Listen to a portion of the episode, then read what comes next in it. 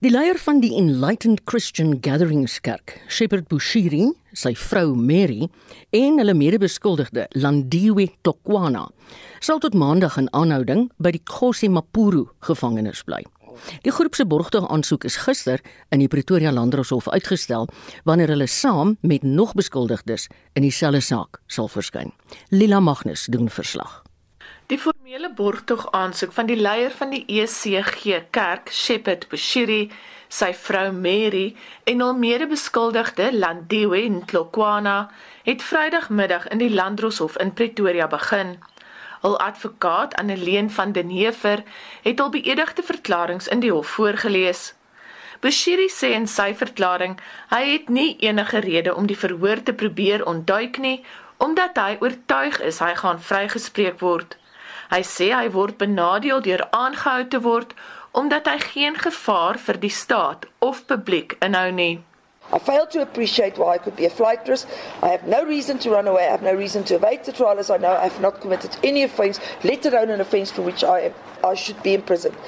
Sub four, some immediate family members are residents in South Africa, and we are a very close knit family. Point eight, I'm a very religious person and live my life according to the strict principles of my religion. I am the pastor of the Enlightened Christian Gathering, the church, with a following in South Africa of about 2.1 million members. Sy vrou Mary het gesê sy het reeds bewys sy kan aan borgtog voorwaardes voldoen omdat sy reeds uit is op borgtog in 'n ander saak. My children are very young and it's cruel to deprive them of the company of their mother in circumstances where I do not understand the charges against me and why I was arrested in a circumstances where my legal team made arrangements to surrender me voluntarily. Demonstrated by previous conduct, I now for a prolonged period of time adhere to bail conditions imposed to me by the court in the pending matter. Die Bashiri egpaar sê in hul verklaringe Hulle verdien oor die 700 000 rand 'n maand uit opbrengste van hul onderskeie besighede. En Klokwana, 'n onafhanklike finansiële konsultant, sê sy sal ook nie die verhoor probeer ontduik nie omdat sy niks verkeerd gedoen het nie. Sy het by die kerk betrokke geraak toe sy aan depressie gely het. About the beginning of 27 up until around December of 2018 I felt into a deep depression because of the stress associated with startup business. I spent almost all my time volunteering at the Enlightened Christian Gathering Church. 32 I often organize and arrange events for the Enlightened Christian Gathering Church which the church compensates me with uh, gratuities. Die borgtog aansoek is tot maandag uitgestel. Landrostandi te Lady het egter gewaarsku daar is geen waarborg dat die saak aangehoor gaan word nie omdat die hofrol baie vol is en hulle hul beurt sal moet afwag. Al mede beskuldigdes, Villa en Zetu Mudolo sal ook maandag in die hof verskyn. Die nasionale vervolgingsgesag het nie besonderhede van die jongste beweringe teen Bashiri bekend gemaak nie, maar die aanklagte hou glo verband met 'n skema waar Bashiri na bewering sy lidmate aangemoedig het om geld in 'n beleggingsskema te belê wat hulle tot 50% opbrengs binne 30 dae sou gee. Die minimum beleggingsbedrag was glo 100 000 rand. Van die mense het geen sent van die geld weer gesien nie. Honderde ondersteuners van Bashiri het die hele dag buite die hofgebou gesing en vir Bashiri wat volgens hulle 'n profeet is, gebid. Ek is Lila Magnus in Pretoria. Die Suid-Afrikaanse Mediese Navorsingsraad sê byna 'n miljoen Suid-Afrikaners het ophou rook tydens die streng inperkingstyd. Die raad sê die regering het die regte besluit geneem om die verkoop van tabakprodukte te verbied in die eerste paar maande van die inperking. Vincent Mufokeng doen verslag. Die Wêreldgesondheidsorganisasie skat dat daar wêreldwyd 1,3 miljard rokers is, waarvan ongeveer 7 miljoen in Suid-Afrika woon. Die organisasie sê die gebruik van tabak lei jaarliks tot ongeveer 8 miljoen sterftes wat verband hou met nie oordraagbare siektes wat deur rook veroorsaak word. 'n Spesialis wetenskaplike in alkohol en tabakverwante navorsing by die Suid-Afrikaanse Mediese Navorsingsraad, Dr. Catherine Egbe, sê die regering was korrek om 'n voorsorgbenadering te volg om Suid-Afrikaners met bestaande onderliggende siektes te beskerm. You would look at studies that were conducted during the, the lockdown, at least the one conducted in the University of Cape Town showed that about 16% of smokers had quit. That will give you about 800,000 to a million smokers who had quit at the early stage of the lockdown. One would want to think that it was successful to a good extent. Die hoof van die tabakvrye eenheid by die Wêreldgesondheidsorganisasie, Dr. Vinyak Mohan Prasad, sê 17 lande het beperkings op rook en alkoholverkope ingestel, maar moes dit weens ekonomiese redes verslap. And also the South African government had a similar challenge that after a few months the illicit trade issue starting to overwhelm, but also the, the tax collection was going down. You, you want revenue? Get it. But uh, don't lower taxes. Increase it. Make it difficult to smoke. So there are benefits to uh, getting less number of smokers. 13% to 16% decline in South Africa is a big win if we can sustain it. That's going to save almost 20 25 million lives. Dr Tom Hurd van die Tabakbeheer Navorsingsgroep aan die Universiteit van Bath sê die tabakbedryf het nie agteroor gesit en toegekyk hoe sy inkomste daal nie. First is marketing. The industry has adapted the way they market to take advantage of the pandemic. The second key strategy is corporate social responsibility. We've also seen a focus on paying for PPE. We've also seen several tobacco companies broadly publicizing their investment in companies who are trialing potential COVID 19 vaccines. We've seen them oppose efforts to label cigarettes non essential in South Africa and elsewhere. In other countries, they've opposed and even taken legal action against government bans on tobacco sales, again, including South Africa. Dr Catherine Egbe sê die plaaslike tabakbedryf het die kwessie van onwettige tabakhandel gebruik om die regering te kritiseer vir die beperking op sigaretverkope. Sy sê sedert die opheffing van die verbod het onwettige handel in tabakprodukte aansienlik verminder. Die verslag van Tabile Mbele in Johannesburg. Ek is Vincent Mufokeng vir SAI Garnis. En om by te voeg, die lewensversekeringsafdeling by Eerste Nasionale Bank het 'n 18% afname in die hoeveelheid kliënte wat hulle self as rokers verklaar sedert die Grendeltydperk begin het gerapporteer. Mitsi van der Merwe doen verslag.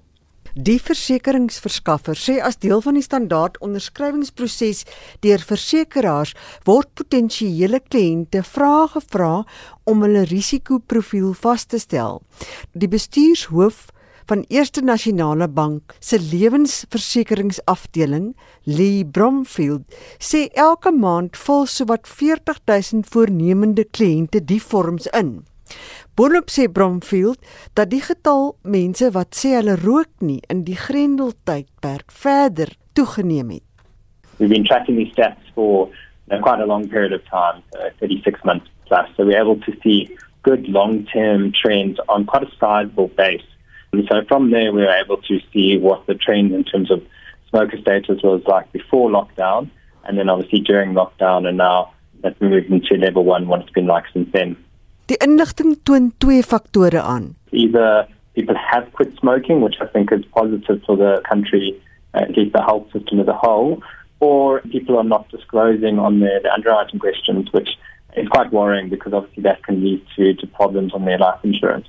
Rook sê Bromfield het 'n negatiewe uitwerking op mense se gesondheid en die vraag word byna altyd gevra vir voornemende kliënte waarvan veral mense wat versekerings vir hoë bedrae uitneem gereeld getoets word om te kyk of hulle rook al dan nie. Yeah, so what we do is we normally take a random sample of people to, we said that they aren't smokers, to, to see if they were telling the truth. But we only tend to do this for higher policies. In the most part, uh, we trust our customers and their answers. Wat sou met iemand gebeur wat jok in sy of haar aansoekvorms vir lewensversekering by UNB? If you happen to, to die or have a claim which is related to smoking, we will go back and investigate whether you answered the question truthfully. If you didn't answer the question truthfully, we'll still approve the claim, but what we'll do is we'll to look at uh, how much you paid for your policy and adjust your claim accordingly. Some other insurers might do other things, but I think in best, like if you have given us the wrong answer on the, the questionnaire, either intentionally or unintentionally, it's a good idea to go back to your insurer and give them the answer. Lee Bromfield is die bestuurshoof van ENB se lewensversekeringsafdeling. Mitsi van der Merwe, SAK nuus. Die Parlement se portefeulje komitee vir justisie het die week openbare sittings gehou oor drie wysigingswetsontwerpe oor geslagsgeweld. Dit is die huishoudelike geweldskonsepwysigingswet, die gewysigde strafregtelike konsepwet en die strafregtelike en verwante sake konsepwysigingswet. Zelin Merrington het meer. Alle deelnemers aan die openbare sittings het benadruk dat wette alleen nie die ewel van geslagsgebaseerde geweld sal uitwis nie, maar hulle hoop dat die verskerping van bestaande wetgewing dit kan verander. Terwyl die wetsontwerpe grootliks ondersteun is, is daar voorstelle vir verandering. Een hiervan is om borgtog te weier aan die wat van geslagsgeweld aangekla word. 'n Lid van die EFF, Sharon Letlape, verduidelik hoekom it's because I think the law of South Africa is very much protective towards the perpetrators than to victims or rather survivors. You find that a 16 year old is raped and she must still come back after opening a case. After a day or two, the perpetrator has been arrested. The perpetrator gets released on bail. She must still find herself in the same space with that perpetrator in the same community because the rights of the rights of the perpetrator is more important than the survivors. You cannot be raped today and find a, your perpetrator on the streets or have to share the same seat in a taxi with the same perpetrator 2 days or 3 days later. 'n Verteenwoordiger van die Embrace Project, Leanne Germano, sê die kwessie van toestemming is baie belangrik. Consent should be clearly defined in the current Amendment Act. It's only described currently in the Amendment Act in Section 1, subsection 2. Um, and in many sexual offences cases, they turn on the question of consent. We also highlight the fact that coercive circumstances, in other words, circumstances in which victims' consent can never be considered to be voluntarily given, needs to be provided for in the amendment bill and needs to be properly defined. Verteenwoordigers van die Women Inspired Solutions for Empowerment beweging het 'n beroep op die regering gedoen dat daar voldoende befondsing moet wees wanneer die wette geïmplementeer moet word. Onika Makwakwa het voorgestel dat diegene wat beskermingsbevele teen hulle het, nie toegang tot wapens mag hê nie. On disarming police specifically uh, who have protection orders that have been issued against them.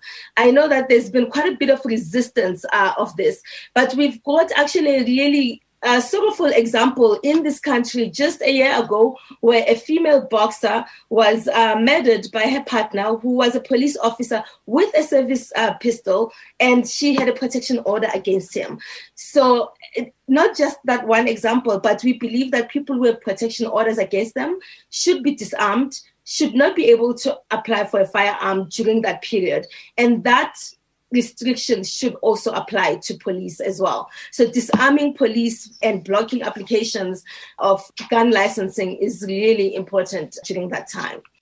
Dit was Onika Makwakwa van die Women Inspired Solutions for Empowerment beweging. Zelene Merrington, Parlement.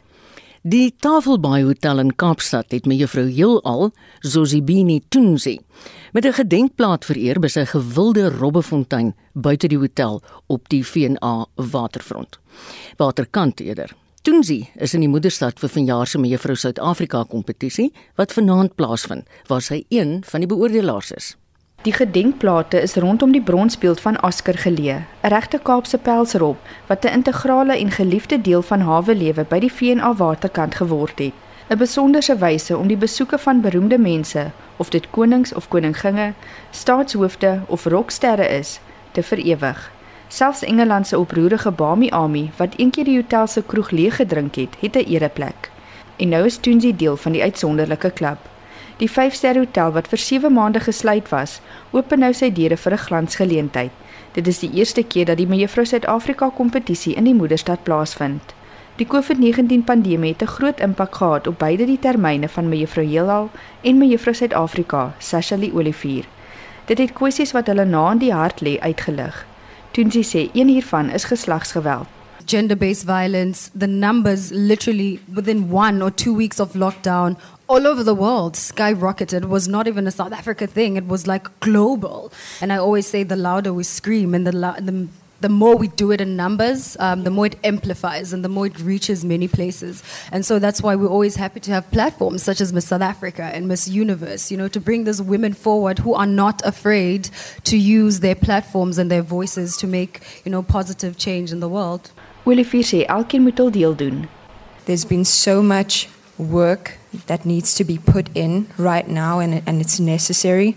And I think that we need to take the shift from am I next to what next? Because we need to start making a tangible difference within this space. I think it's one thing to speak about something, it's one thing to speak up for something, but it's one thing to actually affect change. And I think that that's where our focus needs to be now. It's necessary. Hierdie verslag is saamgestel deur Lentjie Bierman in Kaapstad. Ek is Tanya Krause op George. Die DA versoek dat die minister van Samewerkende Regering en Tradisionele Sake, Dr Nkosazana Dlamini Zuma, drie provinsies wat onlangs deur veldbrande geraak is, tot rampgebiede moet verklaar. Die provinsies is die Vrystaat, Noordwes en die Noord-Kaap. Meer as 200 000 hektaar veld is in die brande vernietig. Vir meer hieroor gesels ons met Anet Stein, die DA se skademinister vir landbou, grondhervorming en landelike ontwikkeling. Goeiemôre Anet. Goeiemôre Marita. Ek en jy praat nou op 'n weeklikse basis, né, nee, maar landbou is belangrik. Dit klink baie so, ja. Ek wil jou vra, hoekom het julle die versoek aan dokter Dlamini Zuma gerig en nie eerder aan die minister van landbou, Toko Didiza nie? Ja, ek dink so Suid-Afrikaners nou baie mooi weet met die COVID-uitbraak word alle rampe en en, en, en deur die minister van samewerkende regering gepubliseer. Dit ehm um, die versoeke kan deur ander departemente gevra word, maar oh. die amptelike verklaring daarvan werk deur die minister van samewerkende regering. Goed. Indien hierdie versoek nou goedgekeur word, watter tipe hulp dink jy sal die boere ontvang? Ja, kyk, daar's net maar twee stappe daarbey. Die een ding is dat die verklaring moet plaasvind om om dan amptelik te begin uh aan te doen vir hulp daar sal met eers 'n behoeftebepaling gedoen word um, om te kyk wat wat tipe hulp nodig is en dan moet daar nog finansies voorgekry word en ek dink hmm. dis die belangrikste probleem wat ons op die oomblik mee het. Is ons weet mos nou maar dat daar nie op die oomblik 'n uh, begroting is vir enigiets anders um, om dan nou te help met rampe nie. Maar wat ons byvoorbeeld voorgevra het spesifiek is om te sien dat die weermag ten minste kan intree en te kan help. Ek ek is hier oomblik hier in Warrington en hier's nou weer nog gisteraand laat 'n brande uitgebreek in Boshoff en in Warrington en die grootste uh, hulp wat nou dadelik nodig is is dat mense 'n paar groot van daai watertrokke kan kry wat op oh ja. sekere plekke kan staan sodat boere vinnig en maklik by daai watertrokke hmm. weer kan opvul want hulle moet ver afstande heen en weer ry om te gaan water uh volmaak uh, veral as daar nou 'n paar brande oor 'n paar gebiede is. Mm. Ek weet die DA doen oorsigbesoeke in drie provinsies. Jy byvoorbeeld was gister in Boshoff se omgewing in die Vrystaat. Ek het gister met 'n boer daar ook gesels, maar hoe lyk die situasie daar aan net? Ja, dit is baie hartseer. Ek moet sê, ehm um, hier waar ons nou is in Warrington, tussen Warrington en Winserton, het dit ehm um, daar 12 dae terug uh die eerste brand uitgebreek en nog omtrent elke dag brand dit op 'n sekere area. Dit is weer dieselfde gebied wat aan aan die brand raak met met sneeuende miskoeke of uh boomstompe wat nog sneeu. En as die wind net 'n bietjie opsteek dan brand dit. Dit is ongelooflik warm en dor en droog. Ons besoek op die oomblik boere, ons sien dat hulle besig is om of eintlik is al hulle meeste van hulle vee reeds verwyder van die plase hier. Die plase wat in totaliteit afgebrand het. Mm Ehm um, so mense is besig om hulle vee weg te vat na ander plekke toe. Ehm um, die is voer besig om in te kom in die gebiede. So die koördinasie ehm um, is nou besig om te gebeur, maar soos ek sê, het nog gisteraand wat ek van weet mm. in hierdie omgewing nog twee brande laat gisternag uitgebreek. Ehm um, so dit is baie moeilik om om 'n behoeftebepaling te doen of basies te sien en ek hoor jy nou in die inleiding gepraat van 300 000 hektaar ons weet nog eintlik nie hoeveel afgebrand is nie. Ja, jy's reg. Want dit brand nog kort kort. Ehm um, waar toe mik julle vandag? Ons is nou hier tussen Warrington en Winterton en dan gaan ek nou nog ehm um, noordwes toe ehm um, oor die grens om daar te gaan kyk in sekere areas. Maar ons vorder 'n bietjie stadiger en dit is hoop dit want mense is maar baie emosioneel. Ons Ai, probeer ook maar 'n bietjie mm, emosionele mm. ondersteuning bied, ja. Ja, ek wou nou nog of jy gevra het, jy jy's nou daar by daai boere. Wat is die gevoel wat jy kry van hulle gemoed? Ehm um, daar dis baie hartseer. Mense is baie hartseer. Een van die boere het net nou ehm um, begin huil. Ag, wat tog. Omdat ja, ehm um, hy het vrou bel want hy was besig om brande te beveg en dan is sy vrou sê sy moet maar die laaste paar goedjies pak wat sy nodig het en vlug uit die huis uit. En dankie Vader. Dit nie een van die huise afgebrand nie. Daar's van die huise wat hulle sê tot die gordyne binne die huis begin sneeu het maar die huise het nie afgebrand nie. So um, hulle is baie dankbaar daaroor maar dit is ook 'n baie emosionele saak vir mense om besluit pak dit tassie en verwyder mm. met jouself uit die huis uit Anet, baie sterkte vir die wat jy nou onderneem want ek dink nie dit is 'n maklike tripie nie. Dit was aan Anet Stein, die DA se skademinister vir landbou, grondhervorming en landelike ontwikkeling. Nou kyk, dit sal nie 'n Saterdag wees as ons nie kan sport praat nie. Maar daar was klomp sade daar die winter wat ons glad nie sport gepraat het nie. Ai tog, ai tog. Hallo Pieter van der Berg, hoe gaan met jou? Goed, dankie Marita. Soos jy sê, dis lekker as kan sport praat. Oh man. Rugby se eerste skoot het nou gister al geklap en vandag is daar nou nog meer om na uit te sien. Ja, wie daar sou drie plaaslike super rugby wedstryde in die naweek gespeel word en dan gaan nou daar by die sou uitkom. Nou gisterand in Mbombela Stadion daar in Nelspruit is die Pumas en die Stormers het mekaar in die stryd aangeset. Nou rustyd was die Pumas met 30-14 voor gewees en na 70 minute was die Pumas met 37-21 voor. En uh, nou ja, kan jy glo in die laaste 10 minute die Stormers het drie verdoelde drie gedruk in daardie 10 minute en hulle seë weer uiteindelik met 42-37 oor die Pumas. Die Stormers het 6-3 gedruk teenoor die 5 van die Pumas. Nou RSG sou vandag twee volledige wedstryde ja. uitgesaai. Ehm um, nou die wedstryd om 05:30 vanmiddag is so 'n klompie minute gelede het ons van SA Rugby verneem dat die wedstryd tussen die Lions en die Cheetahs is ehm um, nou ja afgestel en dis as gevolg van COVID-19. Ons weet vroeër die week was daar 'n hele paar van die Lions spelers wat ja. natuurlik uh, positief getoets was vanoggend nog twee en uh, hulle het net besluit dat dit is nie moeite werd om uh, aan te gaan met die wedstryd nie want dit is uh, die spelers se lewens wat in gevaar gestel word. Ja, ja, ja. Maar die tweede wedstryd is dan vanaand um, om 7 uur dis op Boston Stadveld, die Bulls en die Sharks. Hulle gaan mekaar daar die tyd aan sê ek sien die Springbok Field se besoek in Kosi. Hy maak sy terugkeer daar vir uh, die Sharks en dan vir die Bulls is Marcel van der Merwe wat het Trevor Nyakane in die vooruit vervang. Dion Skuman en Jody Hendricks sal ons luisteraars op hoogte hou van hierdie wedstryd wanneer hulle volledige kommentaar doen van vanaand 7 uur af. Gister in Spectrum het jy vir ons vertel van daai wonderlike golfnuus oor die drie groot toernooie wat binnekort hier by ons in Suid-Afrika gespeel word. Maar vandag fokus jy op die naweek se golf, né? Nee? Dis reg ja, ons was baie gelukkig gistermiddag om dan in Spectrum ook die uitslag te kon gee van die plaaslike sonskyn reeks Willekeus uitdaging wat gister teen einde geloop het met die Brenner uit uitstekende 64 in die laaste ronde, die derde ronde gespeel om dan op 800 syfer te eindig en hy wen daardie toernooi met een nou Keegan Davidson en Jean Blau. Hulle was gesamentlik in die tweede plek daar op 700. Dan in die Europese reeks is dit die Italiaanse Ope. Se tweede ronde wat voltooi is, Laurie Kenter reis op 1600 syfer daar, twee oor voor Ross McCowan wat op 1400 is. Goeie nuus vir Suid-Afrika, ons het dit gister ook genoem, Dean Burmester. Hy is net twee oor verder terug op 1200 hmm in die derde plek. En Louis de Jager ook relatief goed geplaas hy's op 800 dan in die Amerikaanse PGA Tour die Zozo Kampioenskap in Kalifornië. Die tweede ronde daar afgehandel Justin Thomas. Hy is op 1400 en hy's net een nou voor 'n Suid-Afrikaner. Ja Dylan Fratelli uitstekend 65 in die tweede ronde gespeel. Hy's op 1300 net een agter Justin jo. Thomas met Lato Griffin saam met hom daar op 1300 so dit gaan goed met die Suid-Afrikaners op die golfbaan. Ek is baie baie bly daarvoor. By die Indiese Premier Cricket Liga word dan nou vandag en môre nie minder nie as 4 wedstryde afgehandel. Het jy dalk vir ons gister se uitslag?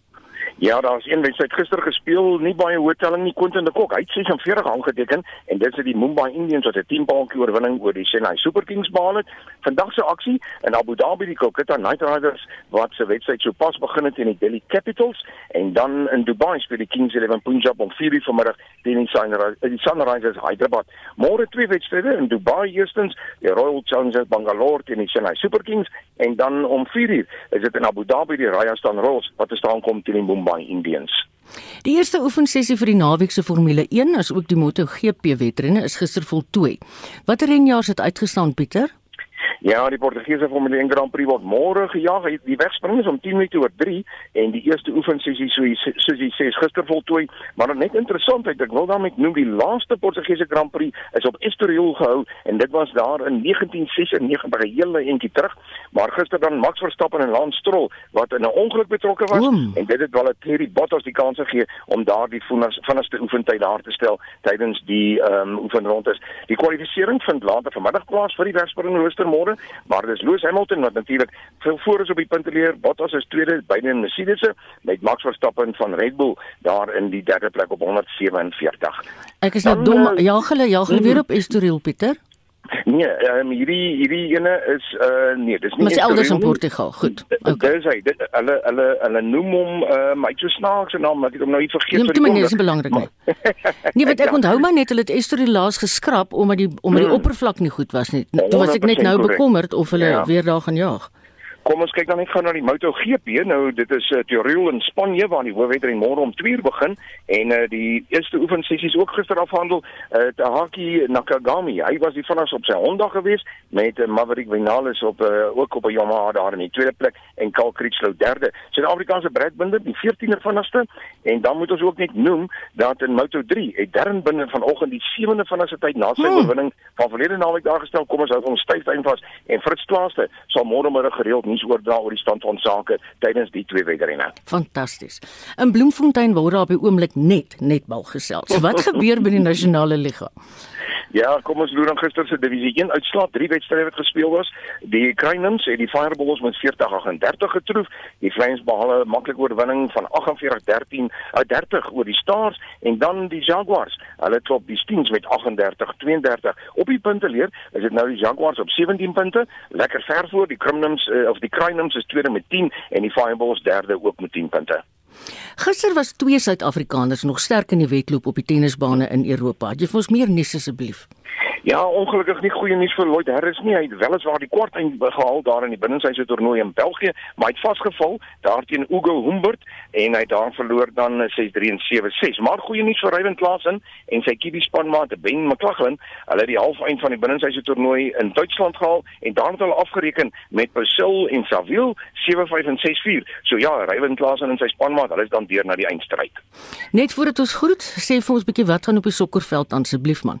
Ja, gisterand een wedstryd in die Engelse Premier League gespeel, 'n groot oorwinning vir Leeds United oor Aston Villa van 3-0. Op die punteleer is Everton dan die voorlopers daar op die oomblik met 13 punte, Aston Villa tweede met 12 eh, punte en dan Leeds United het 10 punte en Liverpool, hulle is daar gesamentlik met vierde met 10 punte. Vandag is dit uh, West Ham United teen Man City om 0:30 of 0:30 vanmiddag, Fulham teen Crystal Palace, Man United teen Chelsea al 7 vanaand en dan Liverpool teen uh, Sheffield United, daar die wedstryd begin vanaand om 9uur. En ons moet ook net loer na die plaaslike Premier League. Daar word ses, eh, ses wedstryde vandag gespeel en ek dink eh, die maar ek uitsien Kaizer Chiefs teen Mamelodi Sundowns om 04:30 en dan is daar ook AmaZulu teen Orlando Pirates vanaand om kwart oor 8. Jo, dit is 'n mondvol baie dankie. Dit is ons sportkorrespondent Pieter van der Berg. Maar ons is bly ons kan weer sport praat.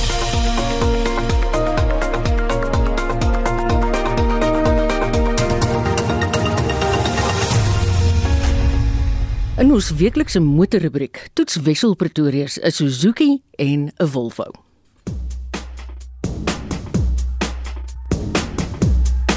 Suid-Afrika se goedkoopste nuwe voertuig, Suzuki se Espresso, teen R145.900. Ek het die Lexer weergawe getoets, die S-edition 5-spoedhandrad teen R159.900. Hy het nogal 'n eienaardige evelomp voorkoms, deels omdat hy relatief hoog staan. Trouwens met 'n grondvryhoogte van 'n volle 18 cm is die Espresso 'n kruisvoertuig, eerder as 'n luikerig, kompleet met skraapplate voor en agter en swart plastiekstroke onder reg rondom. Binne val 'n groot ronde konsole sentraal in die paneelbord op, soos Mini dit ook doen. Die huisves 'n groot digitale spoedmeter, 'n ritrekenaar, 'n raakskerm en sommer ook die skakelaars vir die noodligte en elektriese vensters voor. Teen die prys is hy eintlik verbasend goed toegerus. Wel heel wat harde plastiek wat algemeen in die klas is, maar die hele reeks, selfs Suid-Afrika se goedkoopste kar, kry twee ligsakke voor, ABS rieme en ligversorging as ook drie sensors, iets wat gewoonlik net op heelwat dierder voertuie voorkom. Hierdie S-edition gee ook 'n driebeeld op die sentrale skerm, ook nie tipies in die klas nie, en Apple CarPlay en Android Auto verbinding, asook Bluetooth en USB en 12 volt laaipunte. egter geen kontroles op die stuur nie. Wat my verbaas het is hoeveel spasie die karretjie van 3,6 meter bied in terme van hoofruimte, beenspasie en die kattebak.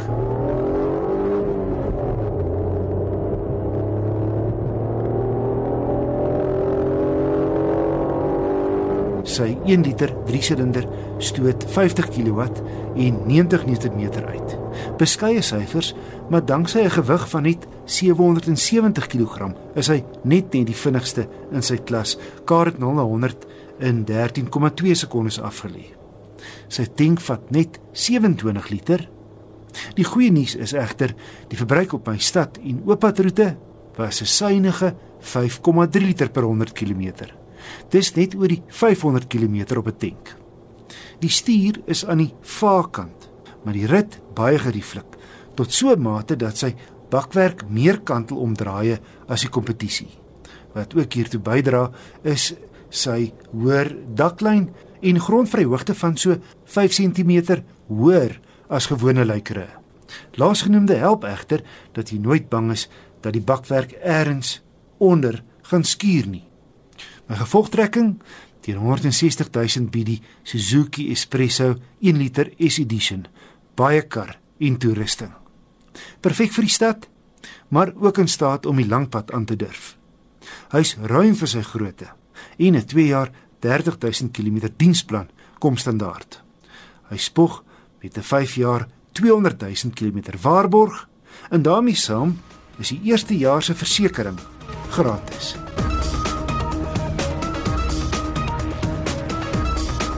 Aan die ander kant van die prysskaal is daar groot premium sportnutse, soos Volvo se XC90 teen meer as 'n miljoen bokke. Die XC90 bevind hom in die tweede helfte van sy lewensiklus met 'n ligte verjongingskuur verlede jaar. Die verbeterings is subtiel. Volvo wou uiteraard nie torring aan 'n wenresep nie. Die XC90 het immers reg oor die wêreld pryse ingepalm. Daar's nuwe kleure, wielontwerpe, en as jy mooi kyk is die sierrooster nou konkaaf en nuwer tegnologie en materiale binne. Jy kan ook nou kies of jy 'n 6 of 7 sitplekker wil aanskaf. Eersgenoemde gee twee afsonderlike sitplekke in die tweede ry. Ek het die D5 inscription model getoets, 'n trap bo die intreevlak momentum afwerking. Hierdie inscription model gee vir jou besonder aantreklike silwer insetsels van daai gewefte tipe Opvallend is die minimale gebruik van plastiek en die volop leer en aluminium en sagte materiale andersins as ook 'n slim en mooi ontwerpte kajuit maak die 'n lieflike wa om in te wees. Een van die nuwighede is Volvo on call. Druk 'n knoppie bo die triespieël en Volvo se inbelsentrum help jou met enige probleem wat jy mag ondervind. Hulle sal selfs padaanwysings op jou navigasieskerm vir jou laai. En in die geval van 'n ongeluk sal die stelsel dit onmiddellik optel en die nooddienste ontbied. Die as ook ander van die XC90 se funksies kan ook direk met jou slimfoon beheer word. Van die ander standaard geriewe is dat die agterdeur outomaties oop en toemaak van die ander standaardkenmerke is aanpasbare togbeheer, sogenaamde pilot assist wat die bestuurder gedeeltelik met bestuursfunksies help en verhit elektriese voorste sitplekke. Talle veiligheidskenmerke kom ook standaard, soos 'n outomatiese stopfunksie in 'n noodgeval, parkeersensors voor en agter en padtekenherkenning.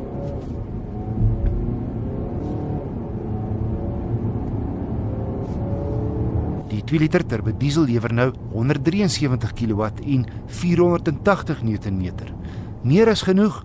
Volvo sê 0 na 100 neem 7,8 sekondes.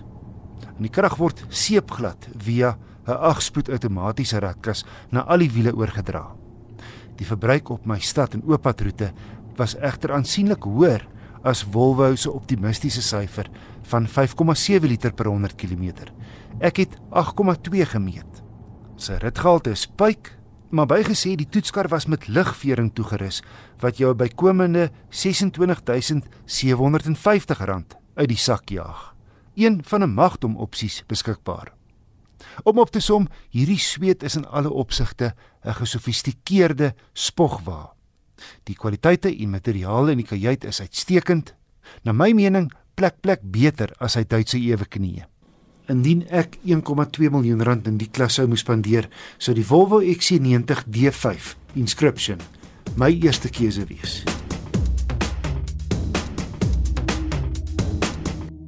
Ek wonder hoekom sê Wessel as hy in daai klas van 1,2 'n voertuig wou koop. Hy werk tog vir die SAIK. Wat sy probleem? Finansiële kenners sê hoeka, mense se pensioene sal nie genoeg wees totdat hulle doodgaan nie. Maar sê Michael Hook, die COVID-19 pandemie het hierdie tendens oor die rand gestoot. Hy raak dit kwyt in sy boek 2020, The Year That Killed Retirement. Hy het die boek met 9 ander kenners saamgestel. Mitsi van der Merwe besê. Michael Hook sê die rede vir hierdie tendens is dat die berekening van pensioene nie tred gehou het nie. As recently as like 20 years ago, the insurance companies calculated your lifespan after retiring at 55 or 60 at about 7 years. And that was affordable. You work for 40 years to save for 7 years. These days, we are living a heck of a lot longer. In fact, a couple today, aged 65, a 50% chance of one of them reaching 94, and a 25% chance of one of them reaching 100. So we've suddenly got this, what Camilla Cavendish called extra time, and it's not the seven years of the past, there's 25 or 30 or even 35 years. Die antwoord is nie om in sak en as te gaan lê nie. Hoek verwys na Chip Condy, die stigter van die Modern Elder Academy en skrywer van die boek Wisdom at Work. At age 55, he sold his hospitality business and he got a call from some brash young kids in San Francisco that had gone to army surplus stores, bought a whole lot of lilos, and pumped them up and rented them out during conference season because the hotels in the area couldn't cope. They then suddenly went wild. I mean, you know how big Airbnb is. And they called Chip and said, Chip, we don't know what to do with this. We've got a monster on our hands. We're young, we're full of ideas, but we need some good old lifestyle. Conley het die sakeondernemings uiteindelik 'n sukses gemaak en na die mense wat langer moet werk, moderne ringkoppe gedoop. And he reckons the marriage between the life experience, the hands-on experience, the wisdom that comes with aging, coupled to these bright, fresh, tech-savvy guys, is a marriage made in absolute heaven and great things can result. Die idee vir die boek het uit die Platinum stam wat verlede jaar gestig is gekom en het ten doel om maatskappye waar mense moet aftree en afgedank word te help. And that's going to become an epidemic now with COVID. To try and help these people to realize it's not the end of an era, it's actually the beginning of something. And the idea is to really use those years wisely. A, to make an income because there's no ways on earth. As I said before, 6% of South Africans are going to be able to retire with enough money to last them for as long as they go. The rest of us have to reinvent ourselves, and in some way or other, we've got to keep the money coming in. Hoewel die boek as 'n Grendeltydperk projek vir die Platinum stam geskryf is, het Hoek 9 ander innoverende Suid-Afrikaners genooi om hulle ervarings tydens die inperking, hoe hulle oorleef het en hulle hoop vir die toekoms te deel. I hope that it's going to teach us things and really to grab onto this notion that the next 30 years fully deserve to be the best of our lives. So the contributors include, for example, Graham Codrington. You've seen him on TV almost every night during COVID talking about the implications. A guy called Anthony Turton, who's a very controversial scientist and environmentalist. Mom Kanye, who runs an inner city sanctuary for up to 80 child trafficked kids. How they existed together, they couldn't go to school, how they kept on learning. Colin Bryden is 'n vorige sportredakteur van die Sunday Times wat ook deelgeneem het. He reflects on missing Saturday sport in front of the TV and he speculates on whether we'll ever get back to proper tours and tests and what the future of the professional game is. I've got Kim Potgieter, who is a financial lady and she explains in the most gentle and non-pushy way what we would need to do with a stake we get, if we're lucky enough to get a stake when we get retrenched, how to make that last. Anthony Osler, who runs a retreat center in the Karoo, and he talks through the lens of Zen Buddhism.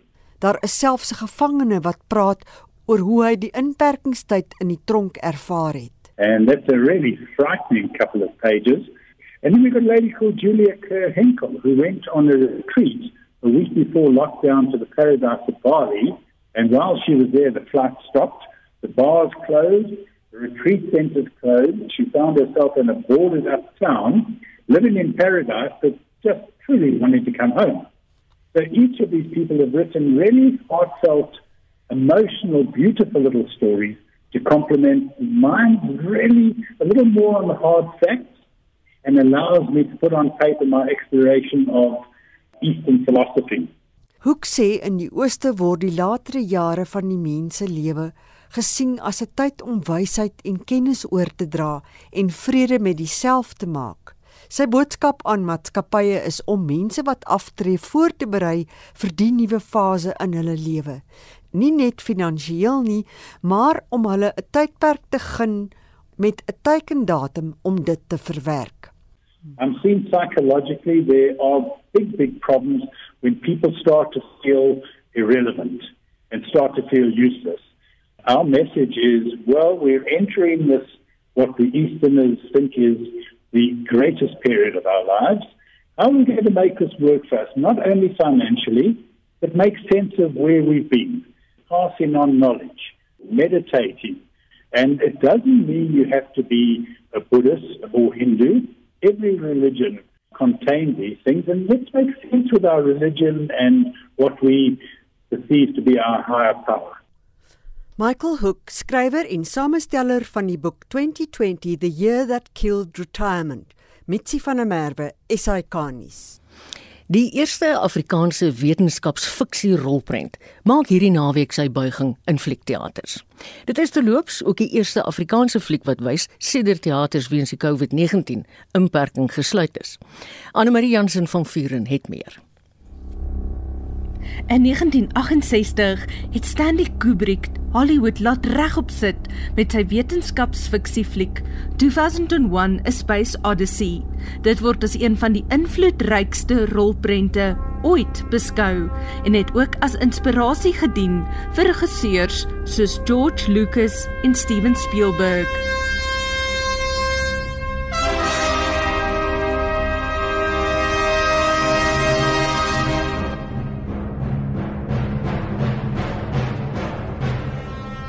Maar die Afrikaanse taal sou eers in 2020 sy eerste wetenskapsfiksie rolprent kry. Derek Miller het die fliek Wesens geskryf en die regie daarvan behartig. Hy en sy vrou, Karen Miller, het dit heeltemal op eie houtjie vervaardig. SAK nuus het met hulle by Wesens se voorvertoning by die Bioscope in Johannesburg gepraat. Die idee vir wesens het om toe ek en Karen eendag in Ceres by 'n outdede winkel 'n uh, ou kamera gesien het. Dit is 'n 16 mm kamera wat ons toe gekoop het en binne in hierdie kamera boks het ons toe ou filmrolle ontdek. En ons het 'n filmprojektor by die huis hier. Toe het ons gedink, verbeel jou wat op hierdie filmrolle kan wees. Van daar af het die storie ontwikkel en die gevolg is wesens. Dit gaan oor vier intelligensie diensagente wat gehoor het daar het iets geland op 'n boer se plaas in die Karoo en hulle gaan basically uit om dit te gaan ondersoek. En dit is al wat ek vir jou gaan sê. En julle die fliek nou in die Karoo verfilm, verf ons 'n prentjie. Hoe hoe lyk dit waar julle verfilm het? So ons sit op Karel se plaas in die Karoo verfilm op die Oubergpas. Dit is so uur buitekant Montetjie tussen Touwsrivier en Montetjie en bo op die bergplaas is daar niks nie. Daar's nie elektrisiteit nie, daar's nie water nie, daar's nie krag nie, daar's nie badkamers nie, daar's nie selfoonsy nie. Ja, ons het letterlik in daai oopte geskiet waar daar niks is nie, net hierdie pragtige landskap. En waarom jy besluit spesifiek in die Karoo? Een van die groot punte is omdat ons self die film befonds, het ons kyk na opsies vir soos hulle sê locations en tussen dat een van die natuurlike opsies is die op 'n plaas in die Karoo. Dit bied vir ons hierdie landskap wat iets heeltemal anders is en wat ons nie elke dag in Suid-Afrikaanse films sien nie.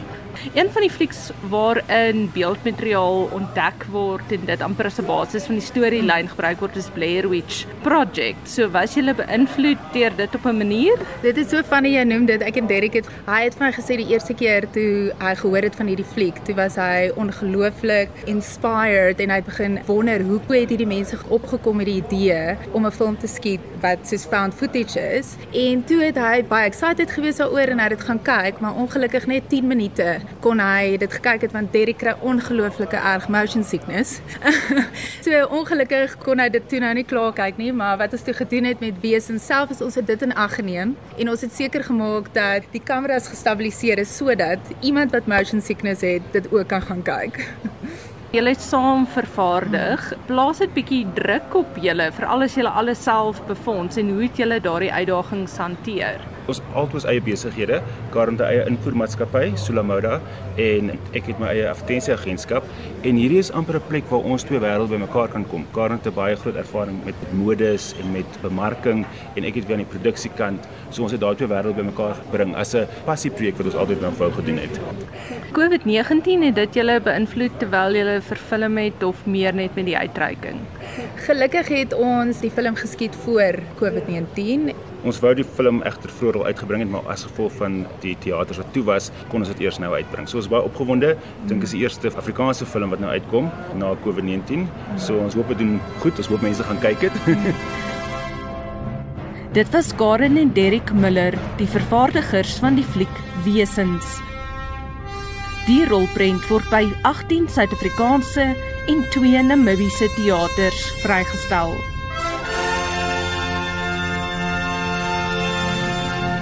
Ek is Anne Marie Jansen van Vieren vir SAK nuus.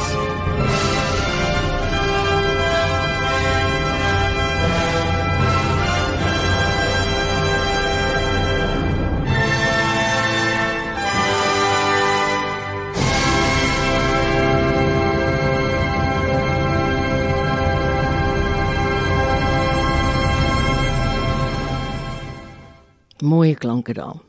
Dit was die tema lied van die fliek 2001 A Space Odyssey. Die minister van minerale hulpbronne en energie, Gwede Mantashe, sê hy hoop dat 'n buitelandse gas-eksplorasietuig aan die Suid-Kaapse kus positiewe resultate sal lewer om die brose ekonomie te bevorder. Die Deep Sea Stavanger het onlangs in die Luipertveld begin boor, 182 km van Mossel Bay se kus. Die sukses van die nuwe brandstofbron kan die ekonomie omkeer. Tanya Krause weer. Die Noorse olieboor het in Augustus in Mossel Bay aangekom vir 'n 400 miljoen dollar olie- en gas-eksplorasieveldtog. Verlede jaar was dieselfde tuig suksesvol nadat hy in die nabygeleë Brilpaddaveld geboor het. Behalwe dat dit die ekonomie 'n hupstoot kan gee, sal dit nuwe lewe in die plaaslike PetroSA raffinaderry blaas. Mantashe sê dat baie voordeel daaruit sal trek. When I was coming here, somebody said the, the, the, the Total project doesn't employ South Africans. Uh, and I can go back to them now and say, no, of the professionals who are working there, 195 are from South Africa. So it means it's not as dry as people think, but people must also appreciate the fact that exploration is about looking, it's not about production yet. Die nuwe put is reeds voltooi. Total Suid-Afrika se algemene bestuurder vir verkenning en produksie, Adewale Fayemi, sê hulle wag om te sien wat die opbrengs sal wees. Currently as we speak, I mean, we have actually drilled to the total depth. Okay, we've drilled the well. The, well is completely finished in terms of drilling. So we've uh, run the casing and uh, it's cemented. So data acquisition is currently ongoing. So which is last phase, uh, which is basically the last phase of this project. So we're still in data. We've acquired some data. Okay, I mean others are still ongoing. Terwyl omgewingsbewustes kritiek op die projek gelewer het, sê Montashe dat hulle alle voorsorg tref. I have to work with environmentalists, but what I always resist is to have South Africa encircled that we can't think, we don't think developmentally. Uh, we are a developing economy. Sometimes we set up standards of Europe, which is very developed, and you discover that the gap of development between us and Europe is 100 years. And we have a, a long way to travel, but we have to travel it in a shorter period. Montashe hoop dat die projek se sukses die land se afhanklikheid van ingevoerde ruolie sal verminder. Ek is Tanya Krause op George.